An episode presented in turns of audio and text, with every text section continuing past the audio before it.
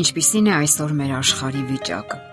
Կա արդյոք իրական քրիստոնեություն, թե ամեն ինչ վերածվել է ձևականության եւ արտաքին դրսևորումների։ Տարօրինակ է, սակայն մարդիկ թեթևորեն մերժում են Աստծուն եւ հետո զարմացած հարցնում, թե ինչու է աշխարը վատից դեպի սարսափելին գնում։ Մարդիկ հավատում են այն ամենին, ինչ գրված է թերթերում, սակայն վիճարկում են այն ամենը, ինչ գրված է Աստվածաշնչում։ Մարդկանց մեծ մասն այսօր երկրային բարիքներ է կուտակում եւ դրան նվիրաբերում իր ողջ գիտակցական կյանքը, սակայն նույնիսկ 1 րոպե չի նվիրում երկնքում գանձեր կուտակելուն։ Նա ասում է. Ես հավատում եմ Աստծուն, սակայն իր գործերով ցույց է տալիս, որ այլ աստվածների է հետևում դրամներ, հաջողություն, անznական եսի փառաբանություն։ Մենք տեսնում ենք, թե ինչպես են մարդիկ հաճույքով հազարավոր կատակներ կամ անիմաստ գրառումներ անում, եւ դրանք բոցերի նման տարածվում են համացանցում։ Սակայն, երբ ցանկանում ենք աղոթել Աստծուն, բավական երկար ենք մտածում, ինչեւ որոշում ենք մյուսներին էլ հաղորդակից դարձնել աղոթքին։ Մեր աշխարհն այսօր կարելի է բնորոշել որպես մեծ սուպերմարկետ, որտեղ ամեն ինչ կա եւ մարդիկ մոլուցքով մղվում են ձեռք բերելու այդ ամեն բարիքները, սակայն մոռանում են հավերժական գանձերի մասին։ Ցավոք այդ մրցավազքի մեջ են ներգրավված նաև քրիստոնյաները, կամ էլ ավելի ճիշտ կլինի ասել այսպես կոչված քրիստոնյաները։ Հասկանալի է, որ յուրաքանչյուր անznավորություն մի անհատական աշխարհ է իր եզակի աշխարհայացքով եւ ընկալումներով։ Նա ունի իր չափանիշներն ու հոգեվոր բարոյական արժեքները, որոնց միջով անց է կասնում կատարվող երևույթներն ու իրադարձությունները։ Իսկ նրանց աշխարհայացքն ու արժեքները բոլորովին էլ քրիստոնեական չեն։ Նայելով նրանց կյանքն ու դավանությունը, մարդիկ չեն կարողանում տեսնել Աստվածաշնչյան աշխարհայացքն ու արժեքները, որpիսի կարողանան աշխարհին նայել հոգեվոր առանցքի միջով եւ հոգեվոր աչքերով։ Քրիստոնեական համարվող երկրներում նյութապաշտությունը դարձել է մեր օրերի ճարիքը։ Իրենց քրիստոնյա համարող անznավորությունները այսօր մեծապես թաղվել են այս արատի մեջ։ Նրանց համար անիմաստ եւ նույնիսկ ծիծաղաշարժ են հնչում Հիսուսի հետևյալ խոսքերը. Տեսեք եւ զգուշացեք ագահությունից, որովհետեւ մարդու կյանքը նրա կൂട്ടակած ունեցվածքը չէ։ Այսինքն հարստությունը չէ, որ որոշում է մարդու արժեքը կամ հավերժական ճակատագիրը։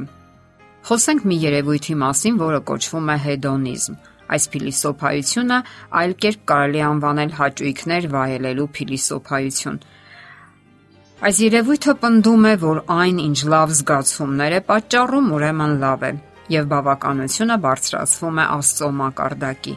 իսկ նյութապաշտական աշխարհում փողը նույնպես դառնում է մարդկանց աստվածը։ Ստացվում է, որ կյանքի ողջ նպատակը ուրախությունն ու բավականությունն է, հաճույքներ վայելելը, երջանկության մեջ գտնվելը։ Սակայն չէ որ երջանկությունը իրականում Աստծո հետ մի լինելու եւ նրանով ապրելու կողմնակի արդյունքն է։ Մենք կյանքի ենք կոչվել այլ նպատակներով Աստծո հետ մեր կյանքը ապրելու նպատակներով եւ նրա հավերժությունը վայելելու նպատակով։ Աստվածաշնչի առակած գրքում այսպիսի տողեր ենք կարդում. Կարիքի մեջ կընկնի այն մարդը, որ հաճույք է սիրում, գինի եւ յուղ սիրողը չի հարստանա։ Մարդկային մեղավոր բնույթն այնպիսին է, որ նա երբեք չի հագենում հաճույքներից եւ ձգտելով մշտական բավականությունների ընկնում է հազարավոր փորձությունների ու գայթակղությունների մեջ։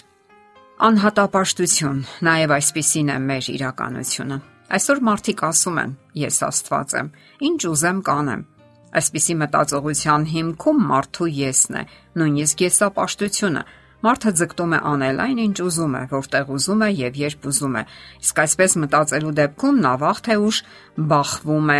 շատ այլ եսերի հետ, սակայն մենք չենք ծնվել միայն մեզ համար եւ մեր ցանկությունները բավարարելու համար։ Մարդը սոցիալական էակ է, որ ապրում է նաեւ ուրիշների համար։ Վաղ թե ուշ այսպիսի հարց է առաջանում. ինչպես ապրել, ինչպես կարգավորել սեփական կյանքն ու արժեքները։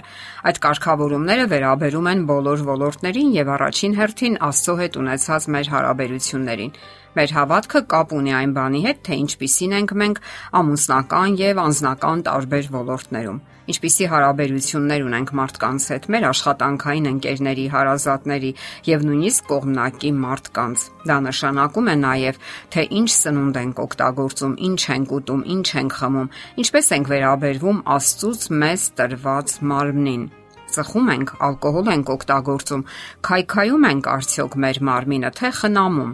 Իսկ ինչպես ենք վերաբերվում մեր կողակցին՝ սիրով թե անտարբեր։ Ինչպիսի հարաբերություններ ենք կառուցում մեր զավակների հետ։ Կարողանում ենք նրանց համար լինել հոգատար ու կարեկից հայր կամ մայր։ Օգնում ենք նրանց կառուցելու իրենց ապագա կյանքը երջանիկ հիմքի վրա ապարգևելով հրաշալի մանկություն եւ պատանեկություն, ապա եւ հասուն կյանք։ Ի վերջո հարկավոր է քարոզել այն աշխարհում, որտեղ ապրում ենք,